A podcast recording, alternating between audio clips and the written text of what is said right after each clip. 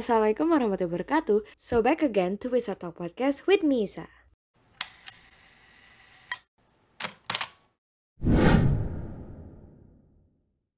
Bismillahirrahmanirrahim.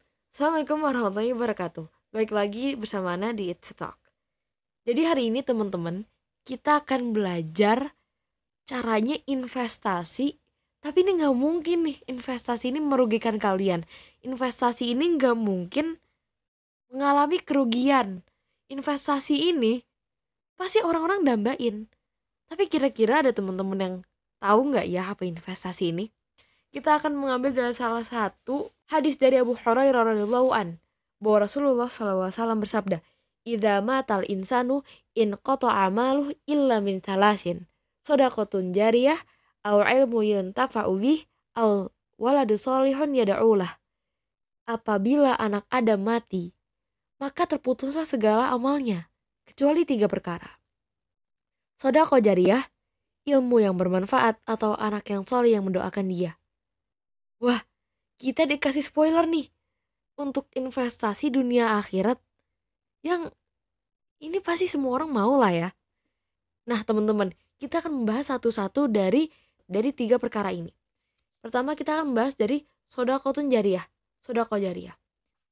Di dalam as ini disebutkan dari Aisyah radhiyallahu anha bahwa ada seseorang laki-laki yang bertemu Nabi SAW. Lalu berkata, Wahai Rasulullah, sesungguhnya ibuku meninggal secara mendadak dan belum sempat berwasiat. Aku menduga sekiranya ibu bisa bicara, tentu dia akan bersodakoh. Apakah dia mendapatkan pahala sekiranya aku mengeluarkan sodako atas nama dirinya? Lalu Rasul menjawab, iya.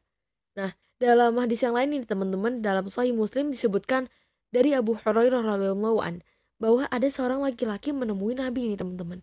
Seraya berkata, sesungguhnya ayahku meninggal dunia dan dia meninggalkan sejumlah harta. Namun tidak sempat berwasiat.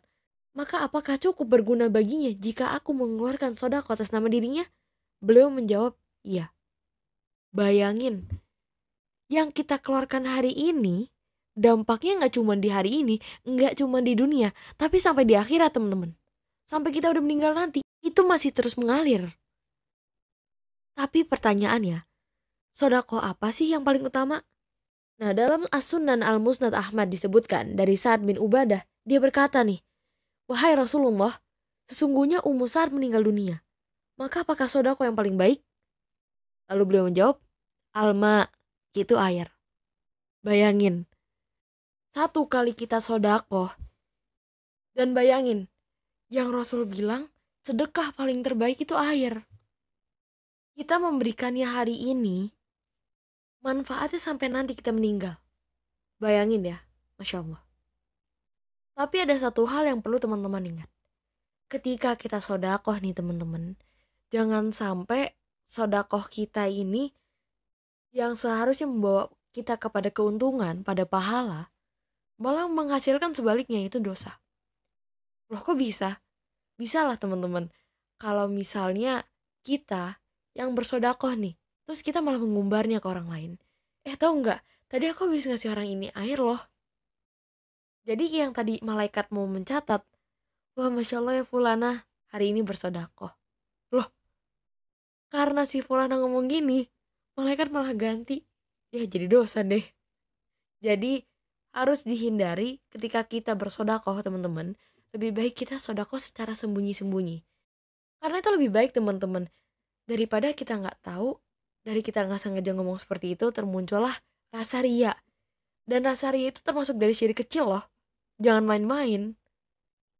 Dan perlu diingat bahwasannya syirik kecil itu lebih besar dibandingkan dosa besar. Bayangin ya teman-teman. Jadi memang lebih baik kalau mau bersodakoh cukup hati aja yang tahu. Atau misal kita pernah lihat ya mungkin di masjid. Misal ada seseorang yang sodakoh sekian juta. Lalu mereka menamai diri dia dengan hamba Allah. Yaitu untuk menghindari dari rasa ria tadi teman-teman. Poin kedua yaitu al-ilmu yuntafa'ubi. Ilmu yang bermanfaat. Kira-kira apa sih ilmu yang bermanfaat? Semua ilmu pasti mempunyai manfaatnya masing-masing. Tapi coba pikirkan, hidup kita ini ada masa expirednya. Kita nggak tahu dong, kita expirednya kapan hidupnya. Bisa hari ini, bisa nanti malam, bisa besok, bisa minggu depan. Kita nggak tahu expirednya kapan. Kita nggak bisa ancang-ancang, oh ini yang mau aku persiapin. Apa nggak lebih baik kita mendedikasikan hidup kita untuk fokus aja nih. Kita berinvestasi pada sesuatu yang kita tahu ini manfaatnya bakal kita ambil sampai jangka waktu panjang sampai kita meninggal nanti. Banyak ilmu yang dipelajari ya. Tanpa ilmu fisika, biologi, atau kimia nggak mungkin ada pesawat misal dari ilmu fisika atau penyembuhan dari segala macam penyakit. Tapi perlu diingat teman-teman. Memang itu hal yang baik.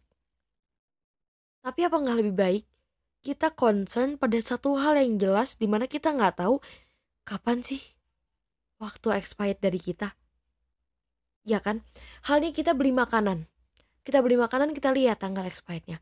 Oh, expirednya minggu depan. Oh berarti aku ancang-ancang aku mau makan makanan ini dua hari atau tiga hari sebelum expired. Biar bisa dimakan. Bayangin dengan hidup. Kita bisa tahu kapan kita expired. Nggak ada yang tahu kan? bahkan malaikat aja nggak tahu.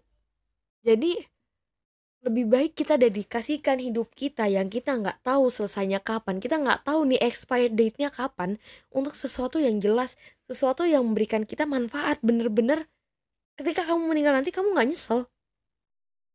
Itu ilmu agama teman-teman. Ilmunya Allah.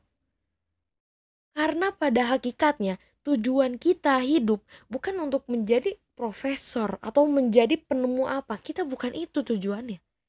Itu hanya angan-angan lain yang kalau kamu udah mencapai ini ya udah. Kalau mau mencapai ini silahkan gitu. Hakikatnya kita hidup untuk cari pahala. Sama ketika kita main game. Kita main game ngapain sih? Kalau misalnya kita mau menang kita pasti nyari dong. Oh caranya kita menang kita harus ngelakuin ini nih kita harus membunuh ini kita harus naik level tapi kadang player itu suka ini bagus banget nih virtual worldnya dikelilingin dulu. Padahal tujuannya bukan itu. Dan dia nggak sadar waktu dia habis. Jadi jangan sampai kita menjadi orang yang menyesal karena kita lupa oh hakikatnya gue di sini sebentar gue nggak tahu gue selesai kapan nanti tiba-tiba gue selesai gue nyesel karena nggak bakal ada kehidupan kedua teman-teman Allah cuma ngasih satu makanya satu ini dibuatlah berharga Kenapa sih ilmu agama? Ya karena kita memang mempelajari nih gimana caranya kita untuk dapat pahala. Halnya kayak kamu main game, kamu nggak tahu gimana caranya, kamu lihat tutorialnya. Oh kayak gini loh, kayak gini loh apa yang harus aku lakuin, ini loh. Jadi tahu ya, kenapa harus kita mempelajari ilmu agama tuh harus, bukan sampingan. Di sekolah kita ajarin, oh kamu harus ini nilainya bagus di sini biar kamu SNMPTN ataupun UN nilainya bagus ini. Dan itu semua ilmu apa? Dunia kan? Ilmu dunia. Padahal tujuan kita untuk nyampe di akhirat, untuk nyampe nih ke surganya Allah gitu. Jadi ingat, dunia tuh boleh di tangan, tapi jangan di hati. Jangan sampai ke distract dengan hal-hal seperti itu. Dan banyak orang bilang, jadi kamu menyalahkan ilmu dunia? Penasaran? Tunggu di episode selanjutnya ya.